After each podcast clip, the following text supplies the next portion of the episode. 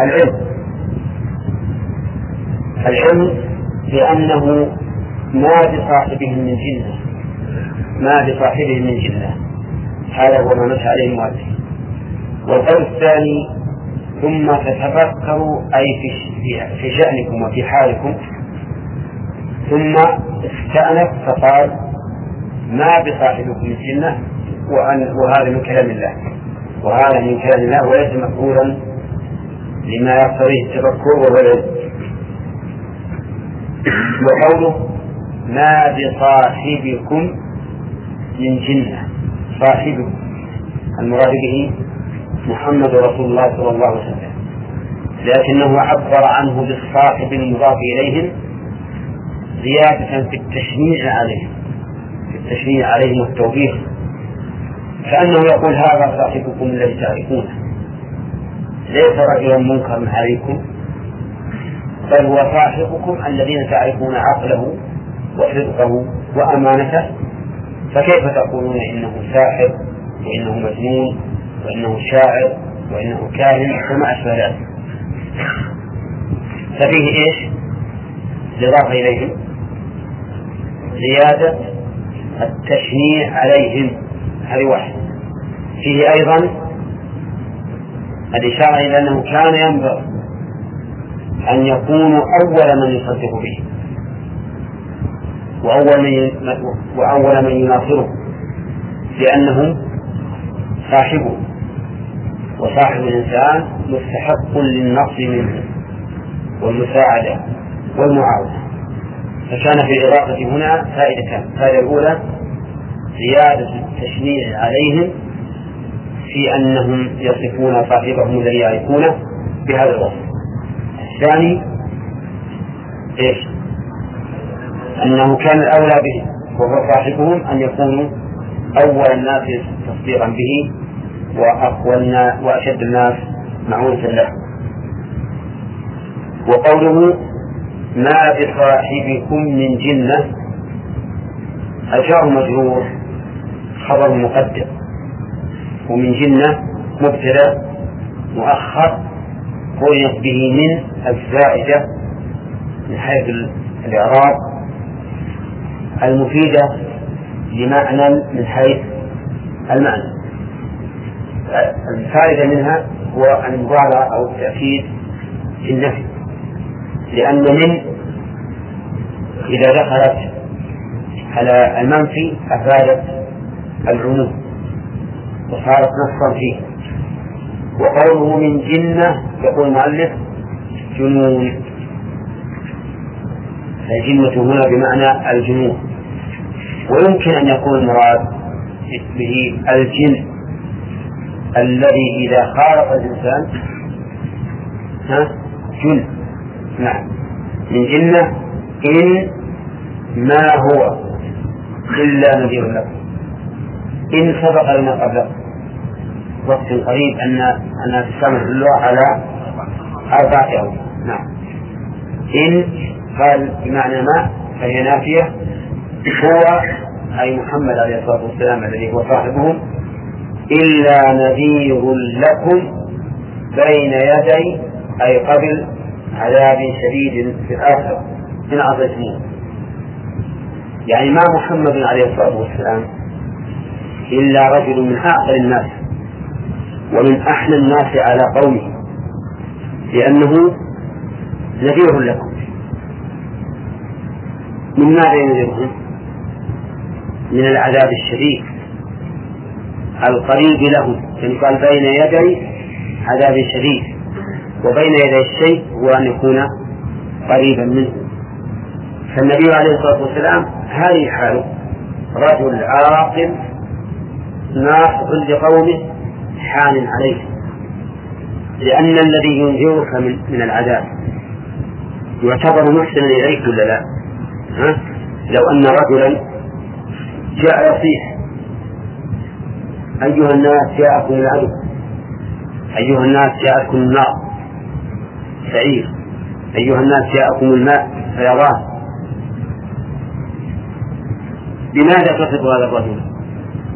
ناصح ولا غاش؟ ناصح ولا تصفه بأنه مجنون. تصف بأنه عاقل ناصح حان عليك يحب لك السلام من الشرور. النبي عليه الصلاة والسلام بالنسبة, بالنسبة لنا ما هو إلا نذير ينذرنا من العذاب الشديد القريب. ولهذا قال بين يدي عذاب شديد. والشديد بمعنى القول. وهل يراد عذاب الآخرة أو يشمل عذاب الآخرة والدنيا؟ صحيح أنه يشمل عذاب الآخرة والدنيا. ولذلك عذب المكذبون للرسول عليه الصلاة والسلام في الدنيا قبل الآخرة. فزعماء قريش وصناديدهم نعم قتلوا في بدر. وألقوا سيئة منتنة في قريب من قلوب بدر ومن بقي منهم كان آخر أمرهم أن دخلت عليهم البلد من أقطارها وأهلوا حتى كان الواحد لا يأمن إلا بتأمين. من دخل داره وأغلق عليه بابه فهو آمن. ومن دخل المسجد فهو آمن. ومن دخل دار أبي سفيان فهو آمن. ومن لم يكن في هذا؟ فليس بآمن. وهذا من أكبر الذل أن تستحل بلدك ولا تأمن فيها إلا بتأمين. هذا لا شك أنه ذل وعار وآخر الأمر أن النبي صلى الله عليه وسلم هو الذي من عليهم وقال اذهبوا فأنتم الطلقاء وهذا بلا شك أنه عذاب في الدنيا. لكن إذا أسلموا كان مثل هذا العذاب كافيا. ومن أبى وكفر كان له العذاب الشديد أيضا في الآخرة. والله أعلم. قال الله عز وجل فيه آخر الفوائد ما أخذناها قل إنما أعظكم قال الله تعالى قل إنما أعظكم بواحدة إلى آخره. في هذا دليل. أو يستفاد من الآية الكريمة دعوة الإنسان المعاند للتأمل في الأمر والنظر فيه حتى لا يتعجل بالرد. لقوله أن تقوموا لله مثنى وفرادى ثم تتفكروا ومن فوائدها أنه ينبغي لمن طلب الحق أن يكون مخلصا لله بعيدا عن الهوى. بقوله أن تقوموا لله. ومنها من فوائدها جواز التعاون في طلب الوصول إلى الحق. من قوله مثنى وفرادى ومنها أن الإنسان قد لا يصل إلى الحق إلا بمساعدة غيره. بقوله مثنى وفرادى فإنه إذا أمكن أن يصل الحق بنفسه فذاك وإلا استعان بغيره. ومنها أن التفكير كما يكون في الآيات الكونية يكون كذلك في الآيات الشرعية لأن هنا طلب منه التفكر فيما جاء به الرسول عليه الصلاة والسلام وفي الرسول نفسه أيضا. ومن فوائدها انتفاء الجنون عن رسول الله صلى الله عليه وسلم. بقوله ما بصاحبكم من جنة. ومنها بيان عتو قريش الذين كذبوا الرسول عليه الصلاة والسلام مع أنه صاحبهم الذي يعرفونه وكان الأولى بهم أن يصدقوه. ومنها أننا إذا أردنا استكشاف حال الشخص فإننا نسأل مصاحبه الذي يصاحب ويلازمه لأنه أعلم الناس به. وقد كان بعض السلف إذا أراد أن يسأل عن حال شخص يسأل المسؤول يقول هل سافرت معه؟ فإن قال لا ترك تأهيله له وإن قال نعم قبل تأهيله إياه لماذا؟ لأن السفر يظهر حقيقة الرجال حتى قيل إنه إنما كان سفرا. لا لأن الإنسان يسفر ويبتعد عن البلد ويخرج إلى الفضاء ولكن لأنه يسفر عن أخلاق الرجال. ولا شك أن السفر من أكبر ما يدل على خصال الرجل. لأنه في البلد الناس كلهم آه، له شأن يغنيه عن الآخر. لكن في السفر محل الأخلاق الفاضلة من عدمها. طيب ومن من فوائد الآية الكريمة. أن النبي صلى الله عليه وسلم منذر للناس من عذاب قريب إذا خالفوا لقوله إن هو إلا نذير لكم بين يدي عذاب شديد. ومنها استعمال الأسلوب المناسب للحال. وهذا معروف في علم البلاغة. أن يستعمل الإنسان ما يوافق مقتضى الحال. فهنا ذكر عن الإنذار دون البشارة. لأن المقام مقام تخويف. وإنذار لأنه يخاطب المكذبين. لكن عند وصف الرسول عليه الصلاة والسلام الوصف المطلق يقول إنا أرسلناك شاهدا ومبشرا ونذيرا فبدأ بالبشارة قبل الإنذار. وهذا من حيث حال النبي صلى الله عليه وسلم المطلقة. أما في في المقامات التي تقتضي ذكر الإنذار دون غيره فيستعمل فيها الإنذار دون غيره. طيب. ومن فوائد الحديث أيضا من فوائد الآية الكريمة إثبات الجزاء وعقوبة وعقوبة المخالفين لقوله إن هو إلا نذير لكم بين يدي عذاب شديد. طيب ومنها استعمال الأوصاف التي تستلزم الموافقة والمتابعة من قوله ما بصاحبكم فأنت عندما تخاطب الإنسان لا تأتي له بالألفاظ التي تبعده بل الذي ينبغي أن تأتي له بالألفاظ التي تدنيه وتقرب لتؤلف قلبه. ثم قال عز وجل قل ما سألت هذا مبتدا جديد قال تعالى قل قل لهم ما سألتكم من أجر فهو لكم قل الخطاب معلوم أنه للرسول عليه الصلاة والسلام لأنه هو النبي لهؤلاء ما سألتكم من أجر. ما يحتمل أن تكون شرطية يعني أي أجر أسأله لكم أسأله منكم فهو لكم. ويحتمل أن تكون اسما موصولا. يعني قل الذي سألتكم من الأجر فهو لكم ويكون اقتران الفاء بالخبر بأن اسم الموصول يشبه الشرط في العموم. فأعطي حكمه. قل ما سألتكم على الإنذار والتبليغ من أجر من هذه بيان لما ما سألتكم. وليست زائدة لأن لأن ما غير نافية وقول من أجر الأجر هو ما يعطى في مقابلة عمل. الله. في مقابلة عمل عمل أو استيفاء نفع في مقابلة عمل كما لو استأجرت رجلا يعمل لعمل.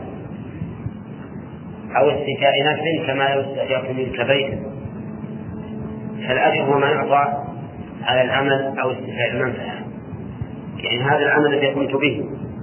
إن كنت سألتكم عليه أجرا وقلت أعطوني مالا أو أعطوني كذا نعم فهو لكم فهو لكم. وقوله ما سألتكم من أجل فولكم هذا على فرض أن يكون ذلك موجودا وإلا فإنه غير موجود. كما قال تعالى قل ما أسألكم عليه من أجل وما أنا من المتكلفين. فالرسول عليه الصلاة والسلام ما سأل عنه بل قال لهم إن كنت سألتكم أجرا فهو لكم لا تعطوني إياه. قال إن أجري ما أجري إلا على الله وهو على كل شيء شهيد. إن بمعنى ما؟ ومن علامات إن النافية أن يقع بعدها إلا وذلك ليس بشرط. هل هو شرط ولا لا؟ ليس بشرط. طيب إن أجري أي ثوابي على تفريغي وعلى إنذاري إلا على الله وحده. ونعم المسيء سبحانه وتعالى. فإنه على الله فإنه سيجد الثواب العظيم لأن عطاء أكرم الأكرمين سيكون أعظم الأعضاء ولهذا يجزي الله سبحانه وتعالى الحسنة بعشر أمثالها إلى سبعمائة ضعف إلى أضعاف كثيرة. ثم الداعي إلى الله يؤجر على دعوته سواء قبلت أم رفضت ويؤجر أيضا على ما يناله عليه من أذى سواء كان الأذى قوليا أو فعليا وسواء كان يعود الأذى إلى ما رد ما جاء به أو يعود الأذى إلى اتهام هذا الإنسان بما يشتق كرامته. وكل هذا قد وقع للرسول عليه الصلاة والسلام. أوذي على دعوته وأوذي فيما يخدش كرامته ونزاهته. فأصحاب الإفك لما رموا عائشة رضي الله عنها ما رموا عائشة لأنها عائشة لكن رموها لأنها زوج النبي صلى الله عليه وسلم. الرسول عليه الصلاة والسلام في عرضه وأوذي في بدنه وأوذي في مهمته التي أمنع بها. فأجره على من؟ على الله سبحانه وتعالى. واعلم أنك كلما أوذيت بالدعوة إلى الله فإن ذلك زيادة أجر لك من جهة وزيادة قوة لدعوتك من جهة أخرى. لأن الإنسان إذا أوذي على شيء لا بد أن يجد من يتعاطف معه. كما تقضي سنة الله عز وجل. حتى الذين يتكلمون الباطل إذا أوذوا على باطلهم وجدوا من يتعاطف معهم. فكيف بمن يتكلمون بالحق؟ ولهذا أنا أدعو نفسي وإياكم إلى أن يكون علمنا منسابا إلى غيرنا. بمعنى أن ننشر العلم وأن ندعو الناس إليه. صحيح أن أن حضورنا إلى هذا المجلس وتعلمنا لا شك أنه فائدة عظيمة وأنه مجلس مجالس الذكر لكن ينبغي ينبغي أن ننشر هذا هذا العلم وندعو الناس المستطاع وأما أن نبقى كنسخ من كتب الفائدة الفائدة لا تعدو صدورنا فهذا لا شك أنه ضعيف ولا يليق بطالب العلم. وعلينا أن أن نعرف ما جرى لأئمة المسلمين وعلماء المسلمين من الدعوة إلى الله سبحانه وتعالى. ولست بذلك أريد أن تكبروا جهودكم كلها الدعوة لأن الدعوة بلا علم ضررها أكثر من نفعها كما يوجد من بعض الأخوة الحريصين على الخير تجدهم يضيعون أوقاتهم في الزيارات إلى فلان وإلى فلان وفي الخروج حتى إن العلم عندهم ليس بشيء. بل تجدهم يكرهون العلم والتعمق فيه ويريدون أن تكون دعوتهم دعوة سطحية مهلهلة. أي إنسان يأتيهم يقفون.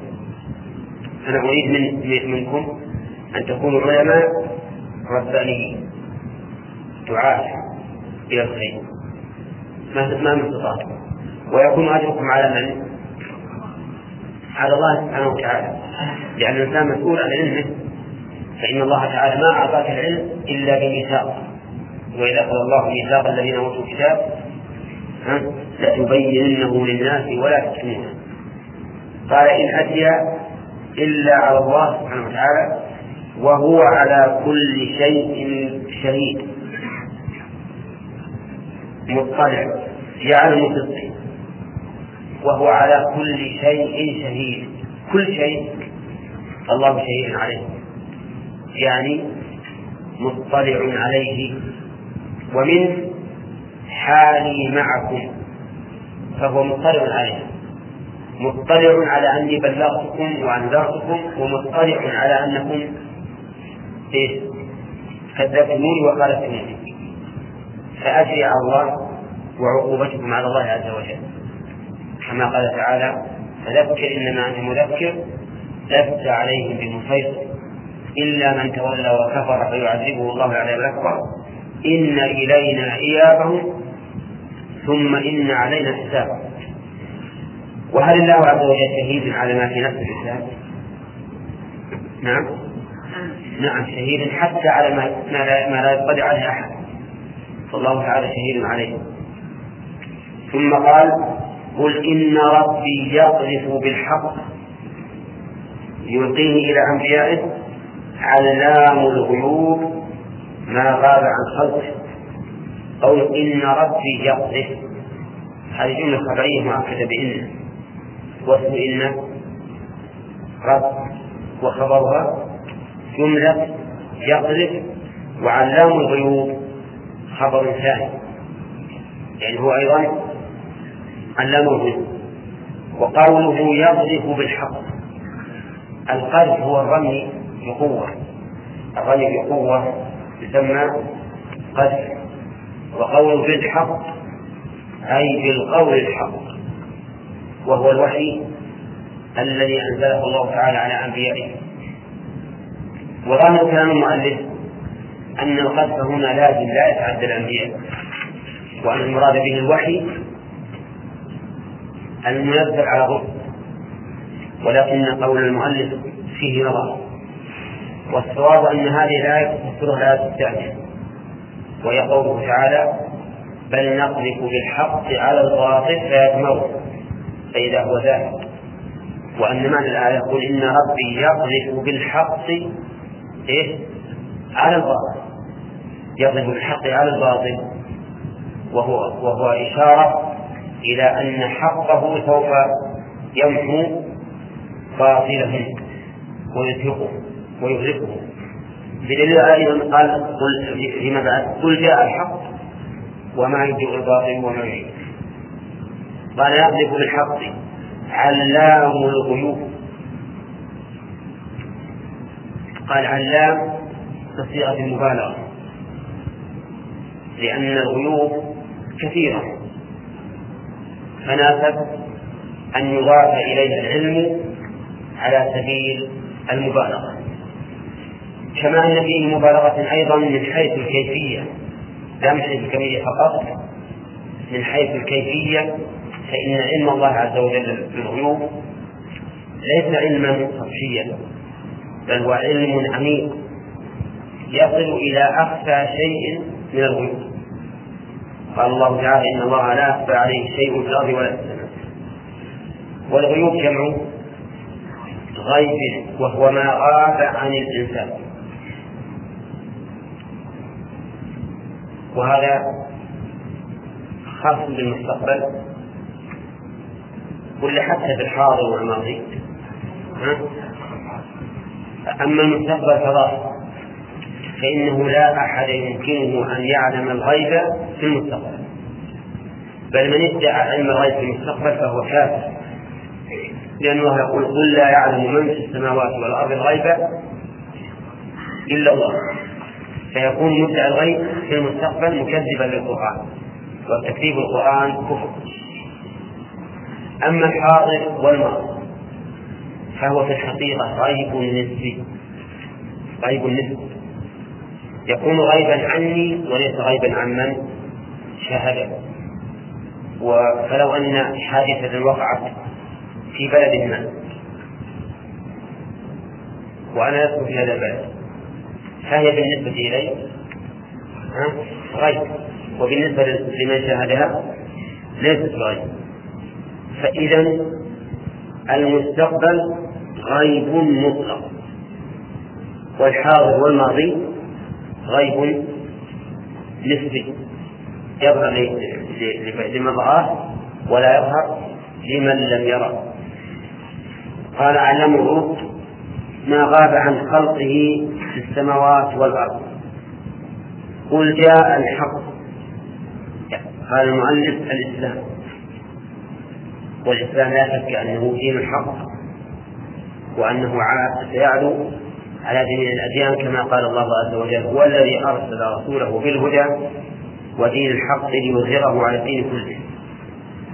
ولو أن المؤلف عمم وقد جاء الحق أي كل ما أخبر به الرسول عليه الصلاة والسلام وما جاء به من الأحكام فهو حق. وما يبدئ الباطل الكفر وما يعيد أي لم يبق له أثر. هذه الجملة ما يبدئ الباطل وما يعيد أو ما يبدئ فلان وما يعيد اسلوب من من أساليب العرب. كناية عن هلاك هذا الشيء وعدم وجوده. لأن الذي لا يبدئ يعني لا يأتي بالشيء ابتداء ولا يعيد ما صنعه أولا هذا غير موجود في الوصف. ما له شراك لا شراك به. فهو موجود فهو كالهالك. والمعنى ما يبدئ الباطل أي ما يتبين ابتداء. وما يعيد ما يتبين إعادة. فهو إذا هالك لا أثر له لا ابتداء ولا إعادة. فإذا كان الحق قد جاء والباطل ما يبدي ولا يعيد فمعناه أن الدولة ستكون لمن؟ ستكون للحق لما جاء به النبي عليه الصلاة والسلام وإن كذبوه. الباطل إن كان في الأخبار فهو الكذب وإن كان في الأحكام فهو الجور والظلم. وكل ما خالف حكم الله فهو جور وظلم. وإن زعم أهله أنهم عادلون فيه فهم كاذبون. فالقوانين الوضعية المخالفة لشريعة الله نقول إنها باطل ونقول إنها ظلم وجور. وأما ما وافق الشرع فإنه وإن سمي قانونا أو نظاما فهو شرع. يعني لو أن أحدا صنع مواد معينة في الحكم لكنها مأخوذة من الكتاب والسنة. لا نقول إن هذه قوانين وضعية أو نظم وضعية بل نقول هي أحكام شرعية لكنها رتبت على مواد كما أن الفقهاء رحمهم الله رتبوا الفقه على أبواب. الخلاف في كيفية العرض وإلا فهو حق أما أن نقنن الشريعة بمعنى أن ندخل عليها أحكاما تخالف أحكامها فهذا كفر. ومن لم يحكم بما أنزل الله فأولئك هم الكافرون فأما تقنينها بمعنى تبويبها وتعرف مواد معينة فهذا لا بأس به بشرط أن لا يكون الحكم لازما بهذه المواد. لأن إلزام القضاة مثلا أو الحكام بأن يحكموا بهذه المواد معناه أنهم يلزمون بأن يحكموا بما يعتقدون أن الحق في خلافه. لأن الناس يختلفون في اجتهادهم فقد ترى اللجنة مثلا أن الحكم في هذا وكذا وكذا ويرى القاضي أن الحكم خلاف ذلك. فوضعها على أنها موضحة أو كاشفة أو دالة هذا لا بأس به بذلك. لكن وضعها على أنها ملزمة هذا لا يجوز لأن الناس يختلفون في الاجتهاد قال وما هو الباطل وما قل إن ضللت عن الحق فإنما أضل على نفسي أي اسم ضلالي عليها. وإن اهتديت فبما يوحي إلي ربي من القرآن والحكمة إنه سميع للدعاء قريب. قل إن ضللت هذا من باب التنزل مع الخط. وإلا فمن المعلوم أن الرسول عليه الصلاة والسلام كان أهل الناس. أليس كذلك؟ طيب.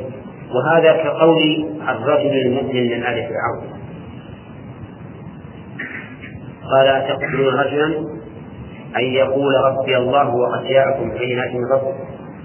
فإن يكن كاذبا فعليه كذب وإن يكن صادقا يصبكم بعض الذي يعدكم. مع أن المؤمن هذا يؤمن بأنه صادق لكن هذا من باب التنزل مع الخصم لإلزامه بقول الحق.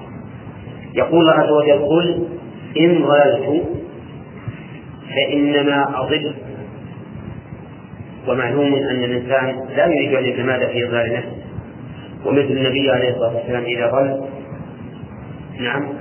مثل الرسول إذا ضل لا يكون ضلاله أيضا